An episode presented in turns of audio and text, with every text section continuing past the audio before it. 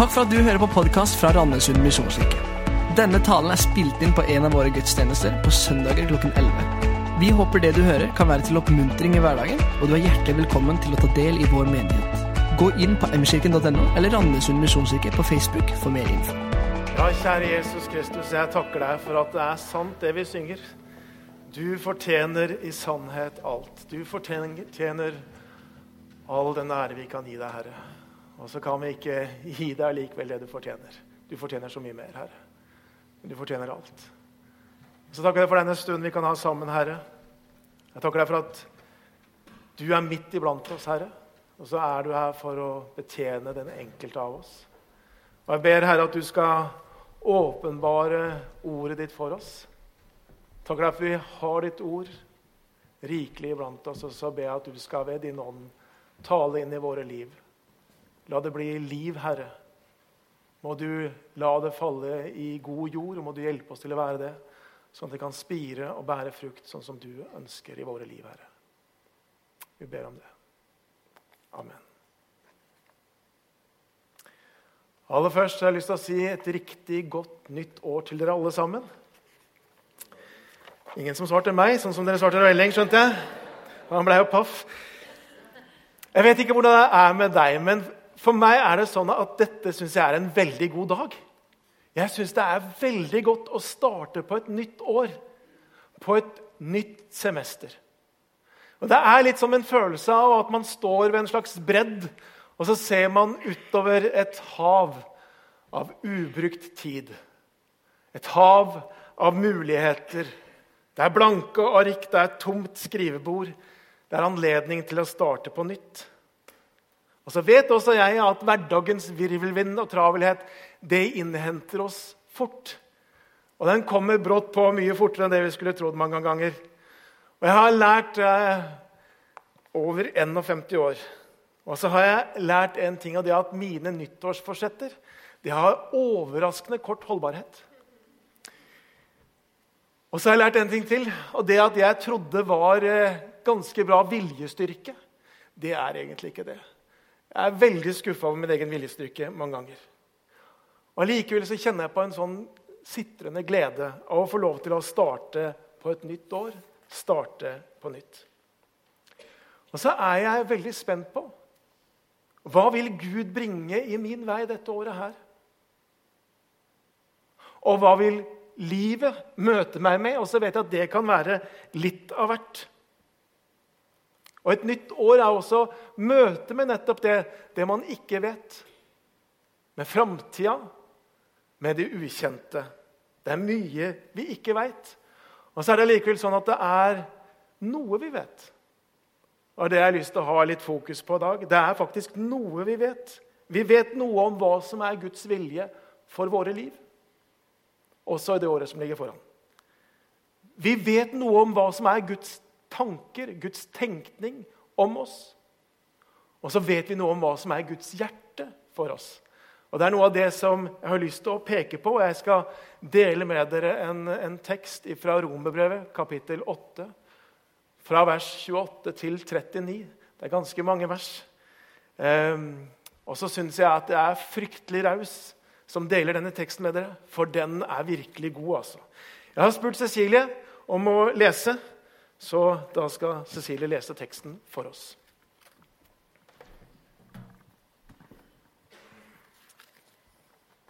Vi vet at alt tjener til det gode for dem som elsker Gud dem han har kalt etter sin frie vilje. Dem som han på forhånd har vedkjent seg, har han også på forhånd bestemt til å bli formet etter sin sønns bilde, så han skal være den førstefødte blant mange søsken. Og dem som han på forhånd har bestemt til dette, har han også kalt. Dem som han har kalt, har han også kjent rettferdige, og dem som han har kjent rettferdige, har han også herliggjort. Hva skal vi så si til dette? Er Gud for oss? Hvem er da mot oss? Han som ikke sparte sin egen sønn, men gav ham for oss alle. Kan han gjøre noe annet enn å gi oss alt sammen med ham? Hvem kan anklage dem Gud har utvalgt? Gud er den som frikjenner. Hvem kan da fordømme? Kristus Jesus er den som døde, ja, mer enn det. Han sto opp og sitter ved Guds høyre hånd, og han ber for oss. Hvem kan skille oss fra Kristi kjærlighet? Nød? Angst? Forfølgelse? Sult? Nakenhet? Fare? Eller sverd? Som det står skrevet, for din skyld drepes vi dagen land, vi regnes som slaktesauer. Men i alt dette vinner vi mer enn seier ved Ham som elsket, elsket oss. For jeg er viss på at verken død eller liv, verken engler eller krefter, verken det som nå er, eller det som kommer, eller noen makt, verken det som er i det høye eller i det dype, eller noen annen skapning, skal kunne skille oss fra Guds kjærlighet i Kristus Jesus, vår Herre.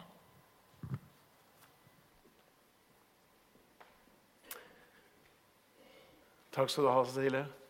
Det er noen fantastiske vers. Ja, La det synke inn.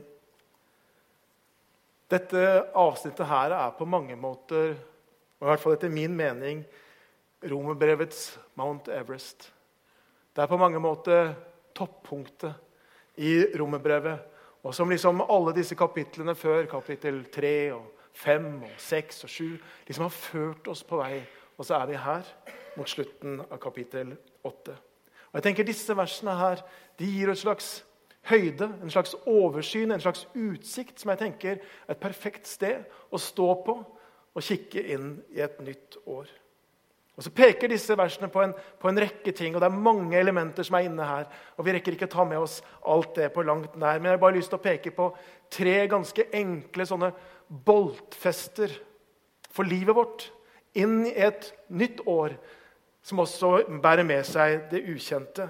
Og Det ene det er altså dette Guds vilje for oss. Det sto at vi er bestemt til å bli formet etter Hans sønns bilde. Guds vilje for oss.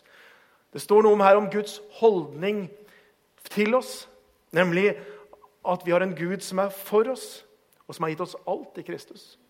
Og for det tredje noe om Guds kjærlighet. At ingenting kan skille oss fra Guds kjærlighet. Og som jeg har sagt allerede, 2019 representerer for oss alle det ukjente. Det gjør det. Og Likevel så kan vi vite altså dette. Guds vilje for denne enkelte av oss, Guds gode plan for deg og for meg er dette at vi skal bli formet lik hans sønns bilde. Sin sønns bilde. Guds plan er at når vi skriver 2020, ett år fram, ja, så skal vi ligne litt mer på Jesus enn slik det er i dag. Å bli formet etter hans bilde. Dem som han på forhånd har vedkjent seg, har han også på forhånd bestemt til å bli formet etter hans, etter sin sønns bilde. Så han skal være den førstefødte blant mange søsken. Og Denne prosessen å bli mer lik Jesus det er på ingen måte en vandring bort ifra oss sjøl, bort ifra den vi er. Tvert imot. Det er en vandring fram til å bli den vi egentlig dypest sett er. Den Gud har skapt oss til å være. På Bibelens første side så leser vi hvordan mennesket er skapt i Guds bilde. Og Gud skapte mennesket i sitt bilde. I Guds bilde skapte han det. Til mann og kvinne skapte han dem. Og Så blar vi et ark over, og så er vi i kapittel 3, og så leser vi om syndefallet. Om hvordan dette gudsbildet hvordan det knuses, hvordan det ødelegges. Noen ganger så bruker vi uttrykk hvor vi sier jeg kjenner meg ikke liksom, helt som meg sjøl. Eller når vi har gjort noe galt, så sier vi ja, det, den, den, måten å være på det er ikke en person jeg ønsker å være. Og så tenker jeg, Det er jo helt riktig. Vi er ikke helt oss sjøl. Og vi er langt fra den personen som vi dypest sett ønsker å være. Fordi syndefallet har hatt dyptrekkende og ødeleggende konsekvenser. Hva handler det om å bli formet lik Jesus?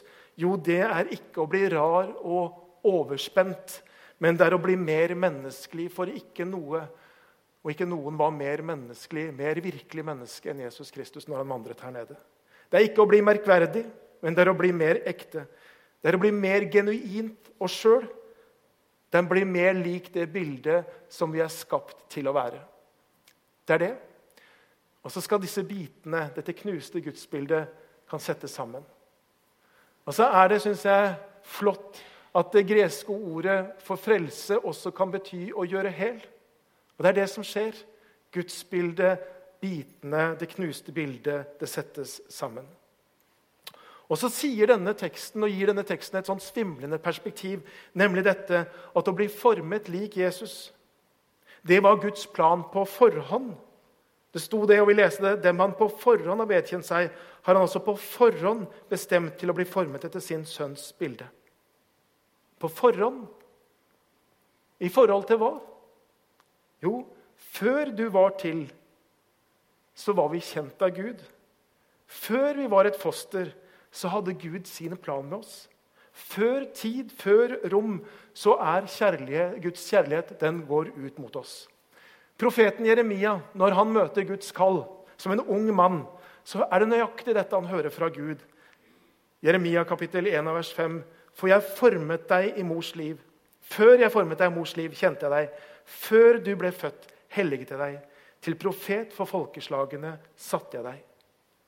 Før. Hvilken tanke, hvilket perspektiv på livet. Og I Efesbrevet sier Paulus det slik.: I Kristus utvalgte han oss før verdens grunnvalg ble lagt, til å stå ansikt hellige uten feil. På forhånd, før verdens grunnvoll, før vi ble formet, før vi var født, så var vi både i Guds tanke, og Gud hadde sin plan med oss. Og hold den tanken. Hva gjør det med menneskeverdet? Hva sier det om menneskets verdi? Og jeg tenker at Det er et viktig perspektiv nettopp i vår tid, hvor det er press på menneskeverdet.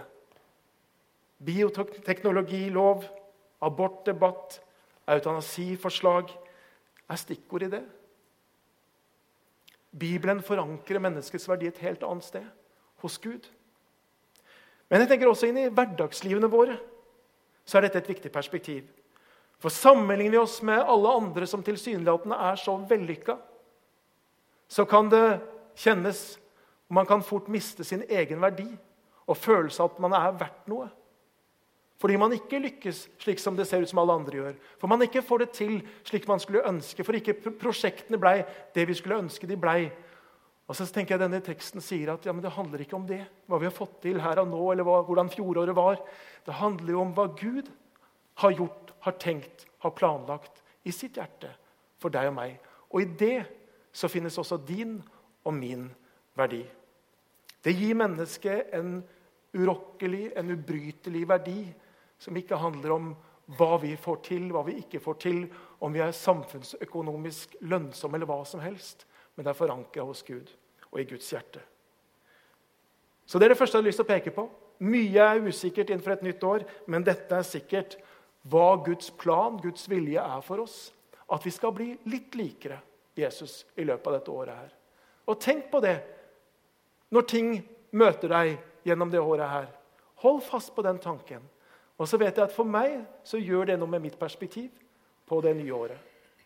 Det var det ene. Det andre som vi kan vite, og som denne teksten peker på, det er at vi har en Gud som er for oss. Det er Guds grunnleggende holdning til oss.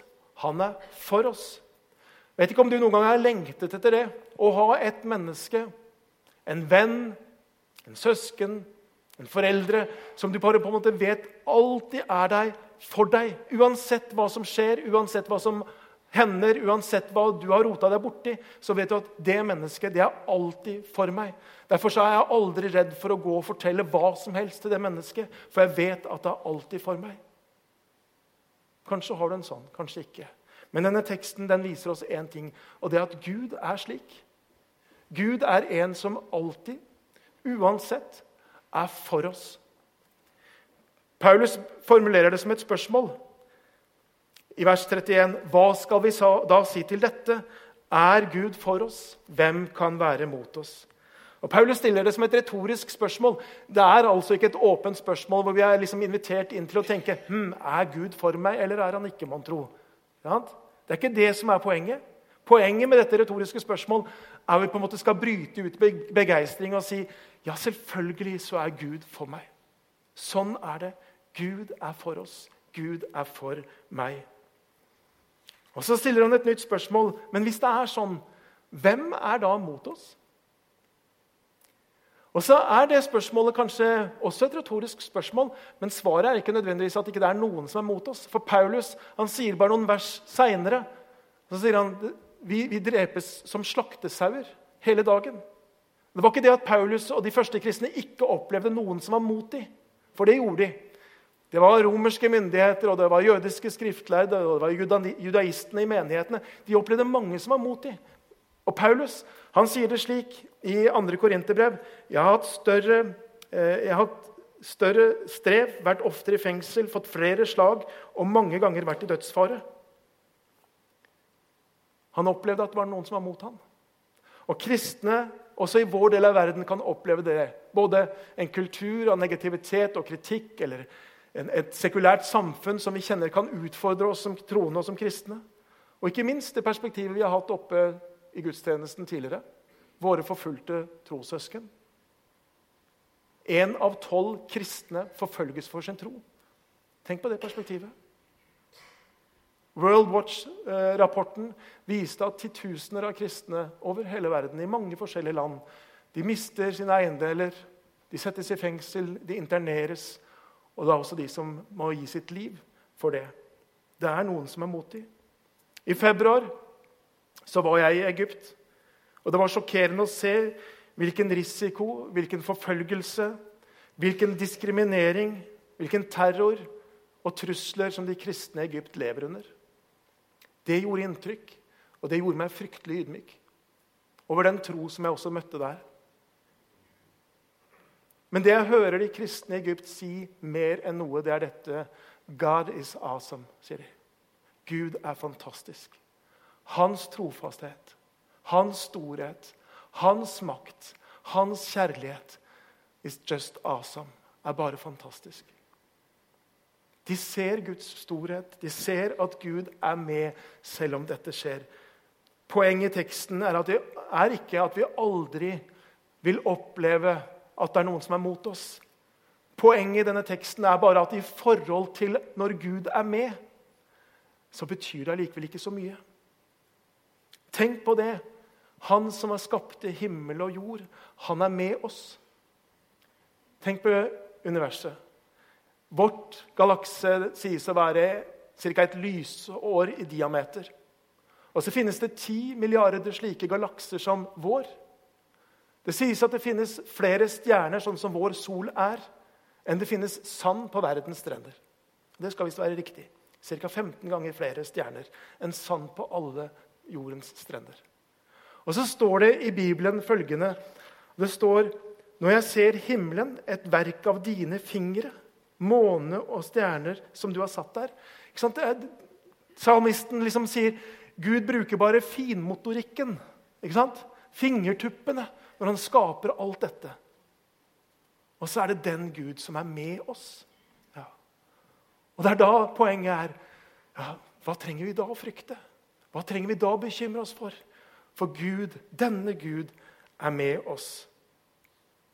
Josef Zon var og for så vidt er en rumensk pastor som også virket på 70-tallet i Romania. Han var en frimodig forkynner mens det kommunistiske regimet forsøkte å holde sin jernhånd over dette samfunnet.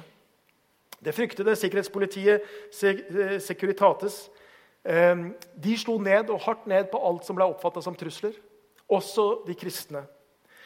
Josef Zon ble på 70-tallet arrestert flere ganger av det hemmelige politiet. Han ble satt i tøffe avhør. De kom med trusler, de kom med manipulering. De forsøkte å spille sånn hjernespill på han for å få han til å på en måte slutte med det han holdt på med. De forsøkte på alle mulige måter å true han til å stoppe. Og Mens han sitter der i fengsel, så begynner han å forstå mer og mer også av hva Bibelen sier om dette som har med martyrer å gjøre.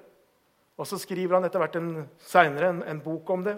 Og så sier Han noe i denne boken. Han sier at når det hemmelige politiet, offiserer, truet med å drepe meg, når de holdt en pistol mot hodet mitt, så kunne jeg smile og si, 'Sir, eh, du forstår ikke at om du dreper meg, så sender du meg bare rett til himmelen.' En annen gang sa han til de som torturerte ham, 'Deres mektigste våpen, det er å drepe meg. Mitt mektigste våpen er å dø.' Om dere dreper meg, så vil budskapet som jeg har forkynt, bare lyde enda kraftigere. Dere vet at jeg har sendt talene mine på kassetter rundt omkring i Romania. Hvis dere dreper meg, så kommer enda flere til å ville høre på de kassettene. Og de vil bare virke enda sterkere. Og Så får han seinere høre at en av offiserene som forhørte ham, hadde sagt vi vet at Son ønsker å bli martyr, men vi er ikke så dumme at vi vil oppfylle hans ønske. Og Så ender det med at de slipper han løs, og i fire år får han lov ganske fritt å reise rundt og forkynne evangeliet. Helt til han i 1981 ble landsforvist, reiser til USA, og så kommer han tilbake når Romania da åpner i 1991 sine grenser, og det blir et fritt land. Men jeg tenker han har grepet noe, og det er dette her Hvis Gud er for oss, hvem kan da være mot oss? Når det verste de kunne gjøre mot ham, det var det beste som kunne skje ham. Hvordan kan man da på en måte angripe en sånn mann? Og det var det de oppdaget. Men det finnes en dyptliggende innvending til dette perspektivet. Som jeg tror Kanskje kjenner du på det. Og i hvert fall så er det noe som dukker fort opp i oss. Og det er jo dette Kan jeg virkelig være sikker på? Kan jeg virkelig være sikker på at Gud virkelig er for meg? Kan jeg virkelig være sikker på at Gud er god? Sånn, kan jeg være sikker på det? Så tenker jeg Det er den samme løgnen som, som, slangen serverte for Adam og Eva i urhagen, og som ødela for dem, ikke sant? når han sier har Gud virkelig sagt at du ikke kan spise av noe tre? Nei, dere skal slett ikke dø. Og det underliggende budskapet at Gud er jo ikke god. Han vil jo ikke deres beste. Han vil jo holde det beste borte fra livene deres. Og så tenker jeg Det er den samme løgnen som, som finnes som et ekko her inne. Når jeg ikke ønsker å leve i tråd med Guds ord, når jeg tenker at jeg vet egentlig bedre, når jeg ønsker å vri og vende for å få Guds ord til å passe med det som jeg vil, så er det et ekko av denne løgnen. Er Gud virkelig god? Er Gud virkelig for meg? Hvordan kan vi vite at Gud er god? Hvordan kan vi vite at Gud er for meg? Det bibelske materialet og også denne teksten peker på ett eneste sted. Og peker på korset. Og peker på korset. Og så står det Han som ikke sparte sin egen sønn, men ga han for oss alle, kan han gjøre noe annet enn å gi oss alt sammen med han? Hvis vi noen ganger tviler på er Gud god, så peker teksten oss tilbake til korset. Ja, der ser vi det. Han ga sin egen sønn. Og jeg kan ikke forstå at Gud kunne. Én ting er jo at man ofrer sitt eget liv for noen man virkelig er glad i. Det kan man på en måte visst forstå. Men det at Gud ofrer sin eneste, enbårne sønn for mennesker som hadde vendt han ryggen mens vi enda var syndere Hvordan kan vi forstå det som far? Hvis vi noen ganger tviler på om Gud er god, ja, så kan vi se på korset. Han som ikke sparte sin egen sønn. Og så er jo spørsmålet hva med det andre i livet? Og så står det kan han noe annet enn å gi dere alt sammen med han? Så det er det andre jeg hadde lyst til å peke på innenfor et nytt år. Et, det andre boltfestet Gud er for oss. Det kan du tenke på hver eneste morgen når du våkner i 2019. Gud er for meg. Det kan du sovne med hver eneste kveld. Hver eneste gang du legger deg til å sove, så kan du sovne med det. Gud er for meg. Og hvis du tviler, ja, så kan du se på korset. Det tredje som jeg har lyst til å peke på, dette For om alt dette er sant, så betyr det at vi er elskete av Gud av en ubetinga, ubegrensa, uendelig kjærlighet. Og Guds kjærlighet mot oss, det kan vi vite, og det kan vi stole på at slik er det. Denne teksten viser at vi er elsket før vi hadde fått skikk på livet. Så var vi elsket av Gud. Hvis vi noen ganger får skikk på livet, da. Det er et annet spørsmål. Før vi var kirkegjengere og menighetsmedlem, eller hva det nå enn er om du er det. Før du hadde satt ditt ja til Jesus, før du blei født, før du var et foster, før tidens morgen, før du kunne gjøre noe som helst, så var du elsket av Gud, av en uendelig kjærlighet.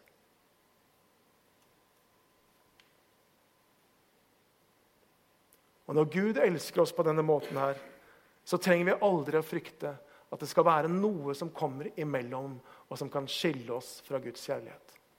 Vi trenger aldri å tenke at noe kan ødelegge hans kjærlighet mot oss.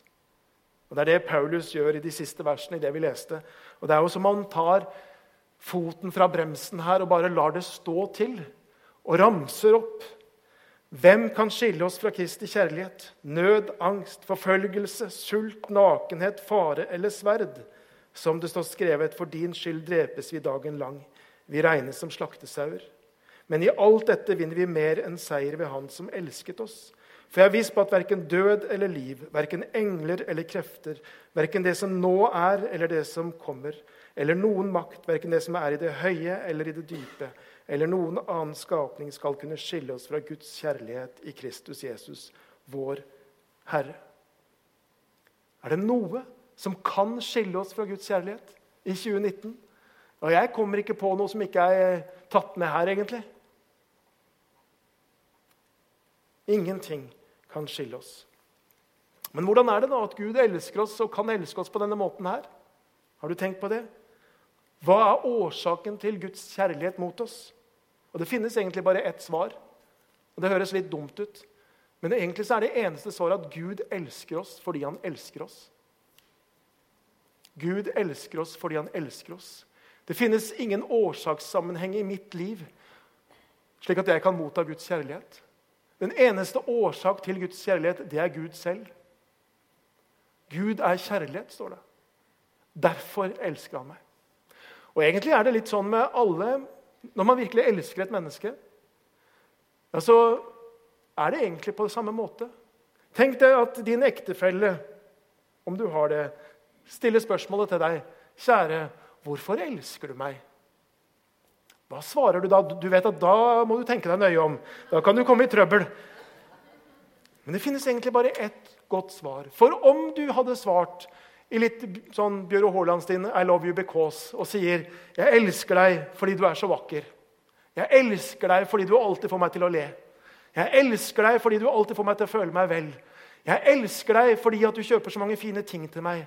'Jeg elsker deg for du alltid vasker opp etter middagen'. 'Jeg elsker deg fordi For hva den dagen når skjønnheten har bleknet, og kanskje ikke humøret er så godt, og det ikke er noen som kan, eller hun eller han ikke kan hjelpe til eller få deg til å føle deg vel, hva med kjærligheten da?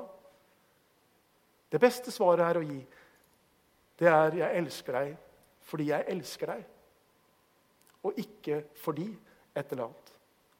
Det er ubetinga kjærlighet, og det er denne kjærligheten som Gud elsker oss med.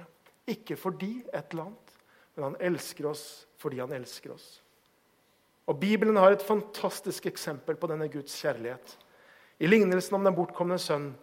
Du vet denne yngste sønnen som i opposisjon med sitt far og sitt farshus krever sin arv, reiser til et land langt, langt borte, sløser bort alle pengene, bringer skam over hjemmet. Og når han til slutt treffer bunnen med et smell, så bestemmer han seg jeg tror han må komme meg hjem. Og Så forteller Jesus denne lignelsen og viser at han blir møtt av en løpende far lenge før han rekker å si unnskyld. Han blir møtt av en far som klemmer og kysser han før han rekker å gjøre bot. Han blir møtt av en far som kler han opp med klær, og som gir han stand, og som gir han verdighet lenge før han rekker å gjøre seg fortjent til noe. Og så sier Jesus sånn, sånn er Gud. Sånn er Gud. I boken 'Den bortkomne sønn', som vender hjem, sier Henry Nuven følgende Lignelsen om den bortkomne sønn er en historie om en kjærlighet som eksisterer før det er mulig å forkaste den, og som fremdeles vil være der etter at den er forkastet. Jeg syns det er vakkert sagt. Lignelsen om den bortkomne sønn, historien om en kjærlighet som er der før den kan bli forkastet, og som også er der når den har blitt forkastet på vei inn i et nytt år, så kan vi ta med oss dette. Guds plan, Guds vilje, Guds prioritet for oss dette året, det er at vi skal bli litt likere Jesus. Det er en prosess som tar hele livet, og som ikke er ferdig før vi er hjemme i himmelen. Men det er det som Gud ønsker for oss. Og Uansett hva som møter deg i dette året, her, så kan du ha det på tanke. På hvilken måte kan dette som nå møter meg, ta meg et skritt videre på veien sammen med Jesus? Det er det ene. Det andre er dette Guds holdning for oss, Guds holdning mot oss. Det er at han er for oss. Den tanken kan du ta med deg når du legger deg om kvelden, og la den være der når du våkner om morgenen. Gud er for meg denne dagen her. Og så kan vi vite at Guds kjærlighet ja, den er både ubetinga, og det er ingenting som kan skille oss fra den. Ingenting som kan bli gjort mot oss, og ingenting vi kan gjøre. Den er ubrytelig. Guds kjærlighet mot oss. Og Derfor så kan vi få lov til å legge våre liv i Herrens hender dette året her. Og så er det sånn at hvis du har møtt Guds kjærlighet på denne måten, så blir du aldri mer den samme. Hvis du gjør det personlig, og du møter Guds kjærlighet, så blir du aldri mer den samme. Og du som har møtt det, og som er her, du vet det. Du vet jeg er aldri mer den samme, fordi jeg har fått lov til å møte denne kjærligheten. Og så kan du, om du ikke har møtt det på den måten, så kan du få lov til å møte Guds kjærlighet på en slik måte. Åpne ditt hjerte, ditt liv opp og si jeg har lyst til å ha det der. Jeg har lyst til å ha den kjærligheten til å bli personlig min. Skal vi be. Kjære